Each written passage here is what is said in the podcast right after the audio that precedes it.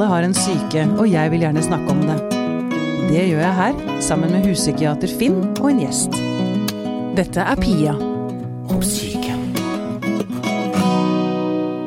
Da, Finn, skal vi inn i noe av det vondeste f igjen. 22. juli. Ja. Um, jeg holdt på å si Det er litt feil spørsmål, men vi kommer vel aldri til å bli s- med å snakke om det? Nei, det bør vi nok ikke, men uh, samtidig så er det jo sånn at uh, folk går jo på jobb dagen etterpå. Ja. Så mennesket har også en ustyrtelig behov for normalitet. Ja. Og den normalitetslengselen kan nesten krenke noen som uh, var midt i hjertet av det. Ikke sant. Ja. Hmm. Um, jeg ønsker velkommen til gjesten vår, Ingunn Holbæk, traumepsykolog. Eh, velkommen hit. Tusen takk. Før vi går inn i 22. juli, så har jeg bare lyst til å eh, snakke litt om Modum Bad eh, og poliklinikken i Oslo, som du starta for ti år siden. Ja, Ganske nøyaktig. det er det, rett og slett. Gratulerer med jubileum. Tusen takk. Hvorfor starta du den? Jeg har lyst til å snakke litt om det først. Ja, jeg jobbet en eh, periode på traumeavdelingen på Modum Bad. Og der jobbet vi veldig mye med mennesker som hadde opplevd eh, tidlige traumatiske hendelser, sånn som mye vold i relasjoner, overgrep. Og det vi så, var jo at eh, mange av disse også ville trenge mer langvarig oppfølging enn den kortvarige innleggelsen på tolv uker som vi hadde der. Ja. Så det var et ønske om å gi en litt mer helhetlig behandling. Mm. Og Pluss at eh, det var mer i vinden også i forhold til internasjonale kontakter vi var, hadde. At det var et ønske om å legge mer behandling til poliklinisk behandling. ja. Så hadde vi dette fantastiske huset i Oslo som vi hadde arvet eh, for lenge siden. Og eh, ønsket vokste gradvis fram, da, til ønsket om å ha et senter hvor vi kunne ha ekstra fokus på hvordan finne ut bedre om hvordan vi kan tilby god behandling, og ikke minst også drive med kompetanseheving. Ja. Så vi hadde sånn to, to, to hovedmål da, ja. med det. Ja. Men du, eh, traumepsykologi, kan du si Er det en sånn enkel måte å forklare hva er det som er viktig når man jobber med traumer hos mennesker? I motsetning til andre altså, Ja, det er viktig poeng. Jeg tenker jo at veldig mange som strever med psykiske lidelser, gjør jo det fordi man har opplevd noe traumatisk på en eller annen måte. Så når vi snakker sånn spesifikt om eh, at jeg jobber med traumelidelser, så betyr det de som kan, Det kan være mange utslag da, av at man har opplevd noe traumatisk, men for de som da eh, ender opp med å få det vi kaller en posttraumatisk stresslidelse, eller det vi kaller en dissosiativ identitetslidelse, så er det to hovedgrupper innenfor traumelidelser. Okay. Så det er det jeg jobber med. Det betyr at mange kan ha hatt traumatiske erfaringer og ende opp med å heller få en depresjon, eller få mer andre typer angstplager, eller ja, andre typer lidelser. Mm. Mm. Men når, når du møter et menneske som er traumatisert, Mm. hva, hva, hva, gjør du, hva gjør du da? Ja, det er et godt spørsmål. Altså det, det som vi har kanskje har blitt, fått mer kunnskap om i senere år, er jo eh, hvordan traumatiske eller, og veldig skremmende og farefulle hendelser påvirker nervesystemet. Så det man vet mer om, er jo at eh, vi jobber mer med å måte regulere aktiveringen i kroppen. For når man blir veldig redd, så skjer det mye i kroppen. Og det er denne redselen som gjenskapes om igjen og om igjen når man blir trigget av ting som Ja. minner om. Ja. Eh, og da er det ofte ikke nok måte, bare å snakke om eh, dette vonde for å få bearbeidet det, men det kan være helt nødvendig å, å, å, å klare å finne måter å mestre og håndtere denne aktiveringen i kroppen, sånn at man ikke blir dratt helt tilbake til det som skjedde, som om det skjer på nytt hele tiden. ja, altså man jobber fysisk, liksom? Ja, det kan vi også gjøre med en del sånn kroppslige øvelser, på en måte. Altså måter Hva kan jeg gjøre når jeg blir veldig skremt og tror eh, F.eks. at noen er etter meg. Jo, jeg kan stoppe opp, jeg kan se meg rundt, jeg kan orientere meg i forhold til mennesker. Jeg kan ta en telefon til noen, jeg kan få bakkekontakt. Eh, men aller best kanskje nettopp det å få orientert seg om at man er ikke i den situasjonen som man var i den gangen det var veldig farlig. Nettopp. Jeg tenker på, også på, jeg vet selv med meg selv at jeg har en tendens til å slutte å puste. Ja. Altså at jeg bare puster fra halsen og opp, liksom. At jeg kjenner at den sitter ikke i magen. Det er sånn det, det er vel også Ja, pusten er vel også en viktig ting å Kjempeviktig. Eh, for mange så Det er greit å puste, mener jeg. Ja, og det er jo helt, helt menneskelig å slutte å puste når man er livredd. Så, mm. så, det er jo um, ja, virkelig en av de mm. tingene som kan bidra veldig til å komme mer i en sånn normal eh, kroppslig aktivering, er jo hvis man får i gang pusten igjen. Ja. Men for en del av de jeg jobber med som har veldig sånn tidlige relasjonelle traumer, da, at det har vært noen som har skadet dem i relasjon ja, Seksuelle overgrep eller eksempel, vold eller mm. Ja, vold. Veldig ofte da så har pusten Kanskje kan den ende opp med å være en veldig sånn sterk trigger. Så mange kan streve med å bruke pust for å hjelpe seg selv. Hvorfor det? Det kan jo være f.eks. i et seksuelt overgrep. da, Så er den andre aktivert eller er, har veldig kraftig pust f.eks., ah. og så blir man redd for den pusten. Man blir kanskje redd for sin egen pust. Akkurat. Mange har opplevd at hvis jeg er helt musestille og ikke puster og ingen hører noen lyd fra meg, så kanskje, kanskje jeg, jeg ikke blir sett eller overlever. Ja, mm, akkurat. Mm. Nei, nettopp. Så det med pusten, for, for eksempel det der med Noen kan jo da streve i etter i f.eks. når man skal trene og merker at man får høy puls. Mm. Så kan det nettopp være en trigger. Akkurat. Eh, med tanke på at, eh, at, det minner om noe farlig. Mm. Enda det egentlig bare er bra for kroppen å få mm. trent. Ja, akkurat. Finn, eh, bare koble på deg også her nå. Jeg så du noterte noe. jeg er spent på hva du tenker. Nei, dette tenker jeg jo veldig mye om. Mm. Um, men jeg tenker kanskje på en bok som eh, er skapt ut av deres miljø, som dels er oversatt fra litt andre steder, som har en helt presis og nødvendig tittel, som heter Tilbake til nåtiden. Eh, fordi ah. traumer handler jo om noe som rammer mange av våre systemer, f.eks. kroppen husker noe voldsomt. Det du snakker om nå, er jo si, hvordan kropp også er minner. Altså ja. Overgrep kan gjøre at man har problemer med å gå til en tannlege mm. osv. Men det handler jo nettopp noe om at man blir dratt tilbake. Altså, Man blir hentet tilbake, og selvfølgelig flashback er ett begrep, men minner er mye mer enn det. Det er ikke bare at man ser filmen om igjen. altså Det er mange måter å huske på. Så nå å jobbe konkret med traumer, sånn som dere gjør, det er jo å si kom deg hit igjen. Ja, eh, fordi man blir dratt tilbake til noe annet. Man faller ut av møtet deg og meg mellom, f.eks. For fordi plutselig så er du fem år tilbake, eller 15 år tilbake. Så akkurat der er det jo måter å jobbe på som dere jeg, jobber veldig systematisk på. Altså ha en skarp stein i lomma, klemme på den, fiksere på bokhylla til terapeuten når det blir vanskelig å se på det samme stedet. Mm. Masse ritualer, masse teknikker. Og mange av de pasientene jeg har sendt til dere, de sier jo det at jo, de virker faktisk.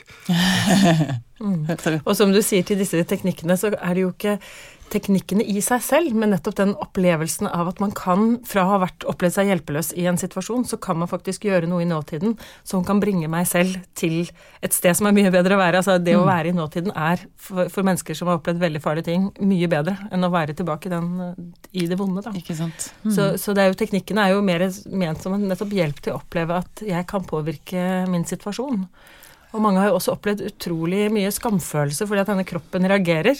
Mm. Eh, og at man Veldig mange har veldig god forståelse intellektuelt. Altså kan ha veldig mye forståelse for at, de, at det og det har skjedd, og at den og den type reaksjon får jeg. Men mange får veldig mye skam knytta til at de ikke klarer å styre kroppens reaksjoner. Ja.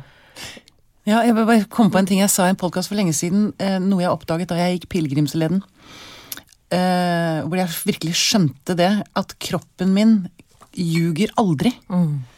Altså, hodet mitt kan finne på mye rart, men mm. kroppen min, den snakker alltid sant. Mm. Og det var en sånn åpenbaring for meg. jeg vet ikke, Det var akkurat som jeg landa så veldig i ja, kroppen min. Eh, mm. På kloden, liksom. At det, mm. Et fantastisk instrument. Mm. Ja, og, og, nettopp på samme måte som den ikke ljuger, så tenker jeg at mange erfarer jo nettopp at disse veldig kroppslige erfaringene av noe skremmende sitter igjen, selv om man har kommet aldri så langt med å jobbe med dette andre. Og det mm. var og min erfaring som terapeut. at at jeg brukte mange av disse vanlige metodene som man bruker for å jobbe med posttraumatisk stress, mm.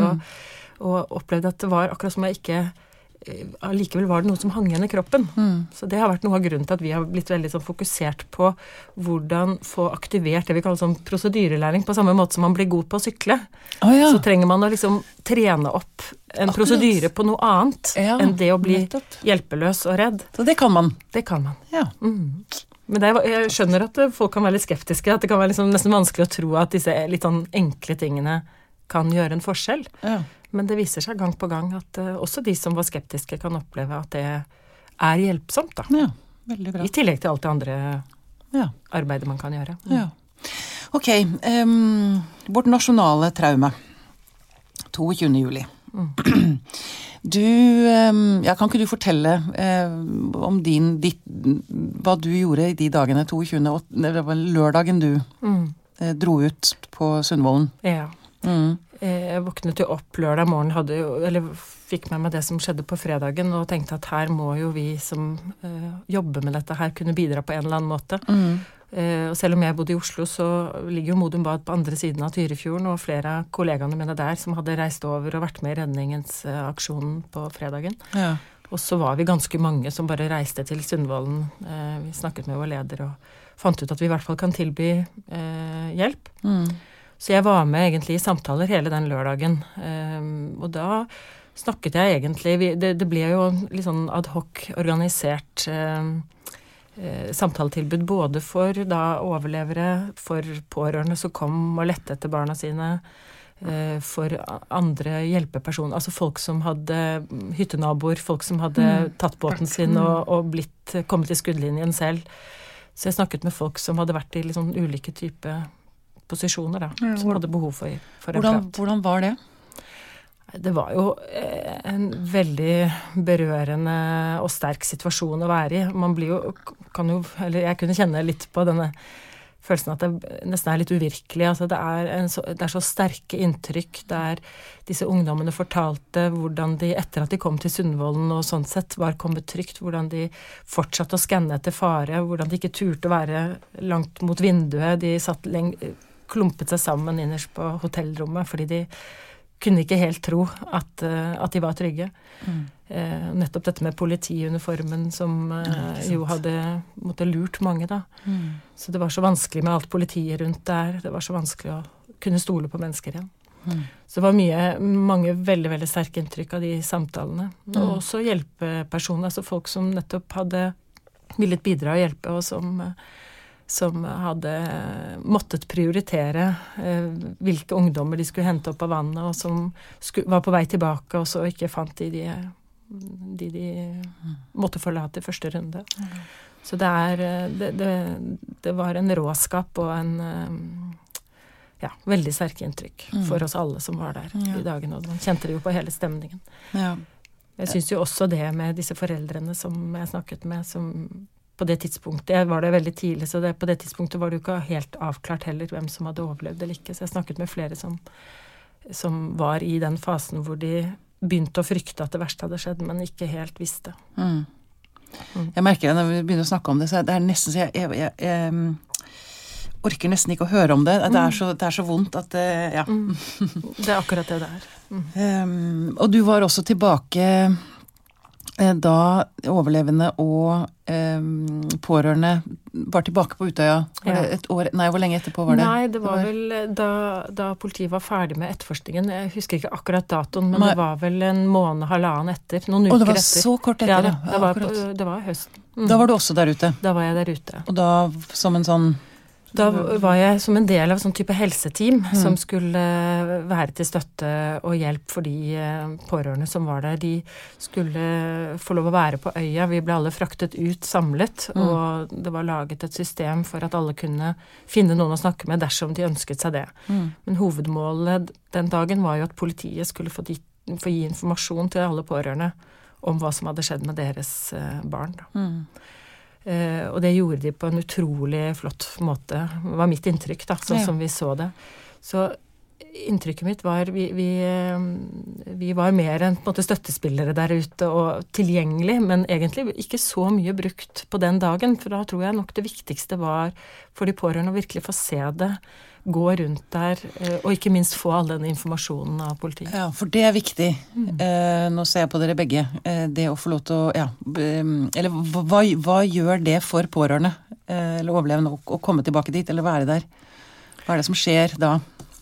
Ja, jeg tror i hvert fall det som var viktig i denne konkrete situasjonen, var jo rett og slett å få vite så mye som mulig om hva politiet kunne ha funnet ut, da. Ja, hvorfor er det viktig?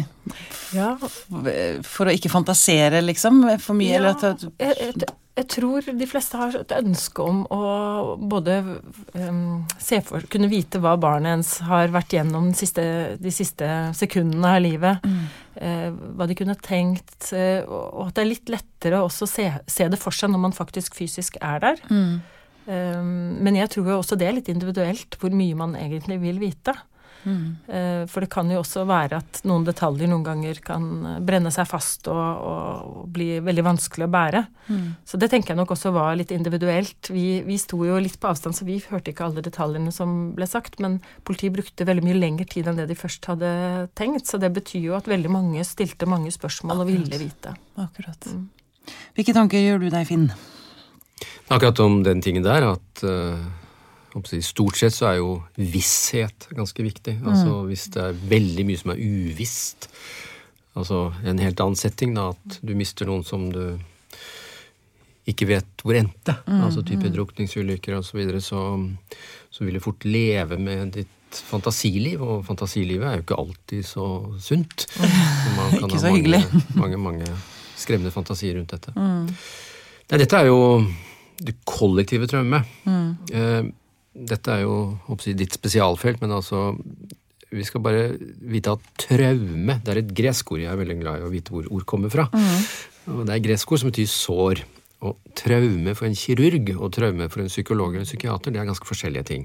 Ja. Fordi traume for en kirurg på legevakta, det er det som har skjedd. Altså brakk ankelen på isen. Mm. Ja. Mens i psykologien og psykiatrien så er det ikke det som har skjedd, men hvordan du har tålt det som har skjedd. Underforstått ah. at du ikke har tålt det. Altså Det er på en måte de psykologiske reaksjonene på at dette ble for mye. Det er mm. det som er et traume i psykologi og psykiatri. Eh, og da vet vi at det er jo ting som hjelper folk å tåle bedre. Eh, dels ting vi ikke kan gjøre så mye med, nemlig det som var før. Mm. Altså er din bagasje av trygghet? Mm. Eh, hvor fort opplever du støtte? Eh, okay. Mm når du er i noe, men ikke minst hvordan opplever du støtte etterpå. Og noe av det som et traume er, er at det er jo en katastrofe av angst. Hvor du opplever det er en voldsom angst, og så opplever du at ingen hjelper deg, og så opplever du at ingen bryr deg. Bryr. Mm. Så veldig mye av det traumepsykologiske arbeidet er jo nettopp å gi en, folk en opplevelse av at de ikke er alene. Altså at det er noen som hjelper deg, og at det er noen som bryr deg. Jeg har en kollega i USA som jobbet veldig mye med traumer, en veteran som heter John Allen, som har skrevet mye om traumer. Og han beskriver en terapigruppe hvor en mann forteller om et relasjonstraume, altså dvs. Si at noen nære har skadet og krenket en over tid. Og så sier da vår kollega John Allen han sier wow, mind is a scary place. Sinnet er sannelig et skummelt sted. For mm. han forteller om alle sine flashbacks og traumatiske minner. Så svarer pasienten ja, And you should never go there alone. Og du skal aldri gå dit alene. altså, Mye av traumearbeid handler jo i en opplevelse om at de var alene, men de er ikke alene. Mm. Ja. Å slippe noen inn i det vonde rommet, rett og slett. Ja, ja. ja nettopp. Gjøre det mer tålelig. Ja. Mm. mm. For det er noe med at delt smerte er halvert smerte. Nei, hvordan er det? det er, ja, eh, jeg vil si gjerne det. Ja. Del sorg er halv sorg, del smerte er halv sorg. Nettopp, ikke sant? Nettopp, Men mm. Det er noe med å huske på liksom den absolutte eksistensielle ensomheten da, i en voldsom krise. Altså Det er hundrevis av mennesker ute på Utøya, mm. Eh, men akkurat der og da er du på en måte ekstremt alene når ja. du er som reddest. Ja, mm. ikke sant. Um, nå har jo filmen til Erik Poppe kommet. Utøya 22. juli. Først har jeg lyst til å spørre dere. Jeg har ikke lyst til å se den filmen. Er det lov? Hmm. Ja. Absolutt. Det er, eh, det er, jo en veldig pågående diskusjon med mange nå i forhold til nettopp det. Om mm. man vil se den, og man uh, vil utsette seg for det. Mm. Og jeg tenker at det må bli et veldig individuelt valg om man gjør det eller ikke. Og jeg tenker at det er gode grunner, det har vært gode begrunnelser for hvorfor filmen er blitt laget. Mm. Eh, sånn, som at vi som samfunn på en måte skal huske den gruen eh, som skjedde der den, den, dagen. Og nettopp dette kollektivet i at dette skjedde oss som samfunn. Mm. Og samtidig så, så, i hvert fall for meg som jobber veldig mye med eh, den type frykt og gru i hverdagen min eh, på jobb, mm. og med de menneskene jeg jobber med, så tenker jeg jo at for flere så vil det være kanskje nettopp et klokt valg å ikke se en sånn film. Mm. Og det handler jo om det vi var inne på litt tidligere her, i, i forhold til hvordan nervesystemet tar imot et sånn type budskap. Ja. For det er klart at hvis man er i en fase av, av sin behandling hvor man blir mye trigget av sine egne vonde erfaringer, f.eks., um, og dette bare blir en overveldende erfaring som bare trigger opp ditt eget, så er det kanskje ikke timingen, i hvert fall ikke nå, mm. for å se det. Så jeg tenker at det, det å og Pluss at jeg tror at folk har ganske sånn ulikt um, Hva skal jeg si eh, Erfaring med det å se ting for seg. Andre Noen er jo vil veldig raskt kunne se for seg all denne gruen som skjedde der ute, og, og vite det, og kunne være empatiske med mennesker som har opplevd det, uten å måtte se filmen. Mens andre trenger kanskje å få synliggjort det litt mer for å kunne sette seg inn i det, fordi det er så langt fra egne erfaringer. Mm. Og da kan det være veldig nyttig å se en sånn film. Ja, for du sa eh, det er viktig å huske gruen. Hvorfor er det viktig? Ja, eller for samfunnet vårt. Samfunnet, altså, Så tenker jeg at det er viktig. Ja, og, og, fordi for, ja. Å, for, å, forebygge, holdt jeg på å si, for å unngå at det skjer igjen? Eller er det, hva, ja. hva, er det som ligger i det? Altså Det som jeg opplever da, fra mitt uh, ståsted, er jo at veldig mange som opplever både veldig sadistiske handlinger og veldig mye ondskap, mm.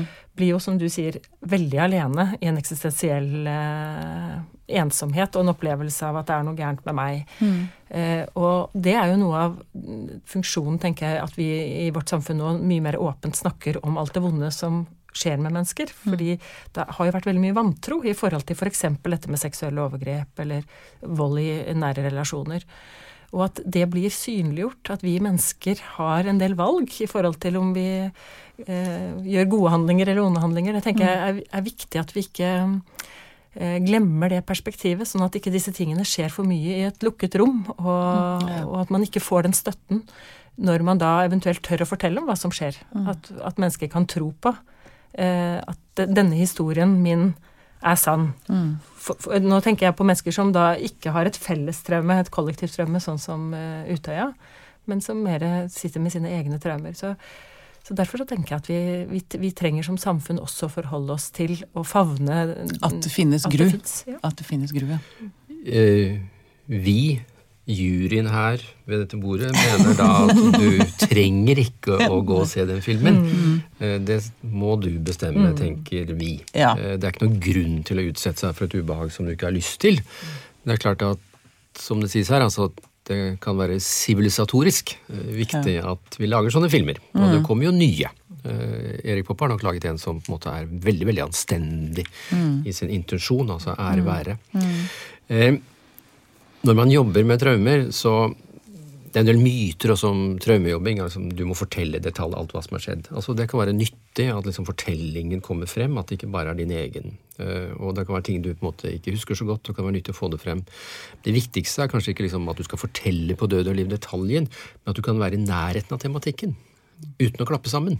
Aha. Altså at du mm. kan si Utøya uten å klappe sammen, eller kan se en politiuniform uten å bli redd. Uh, så det er litt sånn å tenke på det norske samfunnet òg. Eh, og nå spiller jeg noen holdninger og meninger her. Mm. Jeg var f.eks. ikke så glad for at liksom, eh, vi skal aldri nevne denne mannens navn. Han som mm. bare het ABB. Eller terroristen. Altså, ja, for jeg tror mm. faktisk det er viktig å kunne være i disse temaene uten å miste egen fatning. Eller altså ja. kunne si dette. Og jeg tror det er viktig at vi hele tiden minnes om Utøya for å kunne ha noen sånn ordentlige samtaler også om fenomener.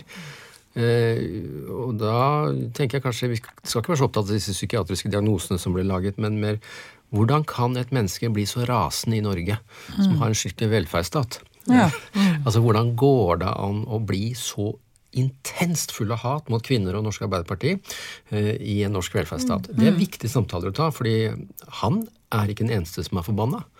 Det er andre som er forbanna, slik at vi må kunne være i dette. Ja uten å, å ende opp i noen voldsom enten-eller-tematikker. Ja. Så Derfor tenker jeg det er viktig å diskutere dette, men du kan få slippe å gå på kino. Det er fint, men jeg vil gjerne, høre, jeg vil gjerne ta den samtalen der. Mm.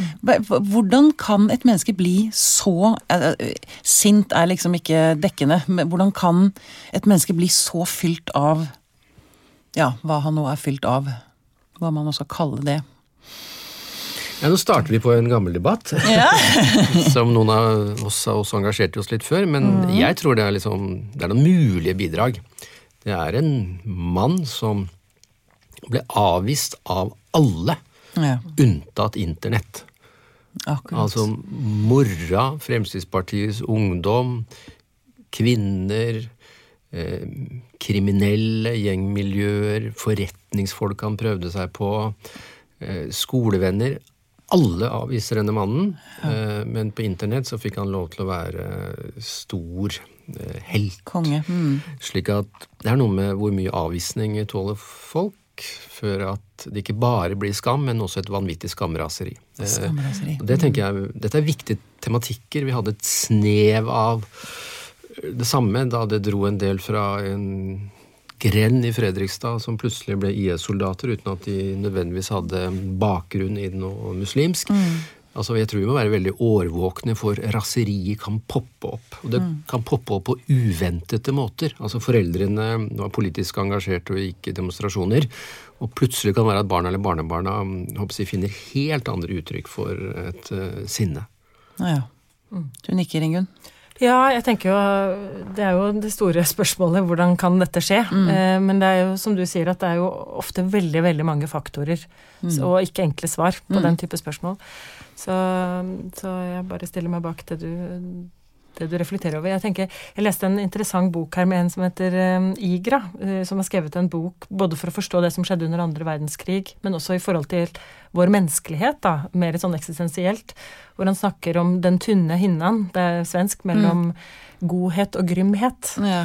Og dette, dette faktum at vi mennesker har begge deler i oss, da, og, og at det kan være ja, ulike faktorer som gjør om vi velger det ene eller det andre, og at veldig ofte når man har begynt på en galei, på en måte, eller på en vei, så kan det ene føre til det andre. Fordi det var noe med å forstå alle de menneskene i gasskamrene, og hvordan kan man velge å å være en løpemann for, uh, i holocaust, så, så var det et, et forsøk på å forstå mer psykologisk hvordan det er mulig. Da. Ja. Og også ikke, ikke fjerne det så fra oss andre mennesker. Nei, altså at vi, at vi mer tar inn at uh, det er å være menneske. At det er et potensielt det er et potensial i alle mennesker. Da. Ja, det er det der monsterdebatten, Ja, eh, holdt jeg på å si. Mm.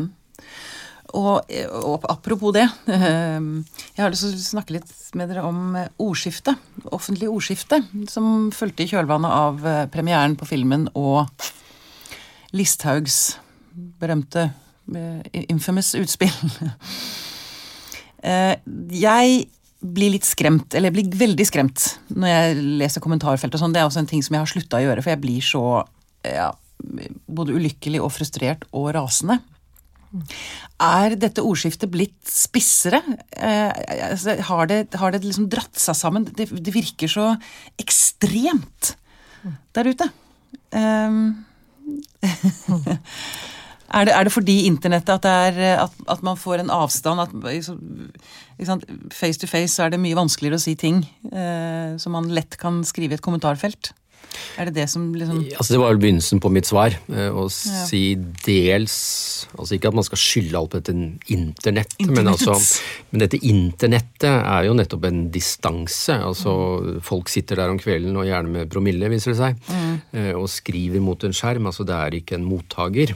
Eh, Det er jo veldig mange som har skrevet nettopp om eh, etikken i å stå ansikt til ansikt med den andre. Mm. Levinas for eksempel er en viktig etiker som er opptatt av nettopp face to face. Eh, På internettet så er det jo ikke face to face, men face to skjerm, og du er bokstavelig talt skjerma, og vi vet at det gjør noe med terskler, gjør noe med etikken.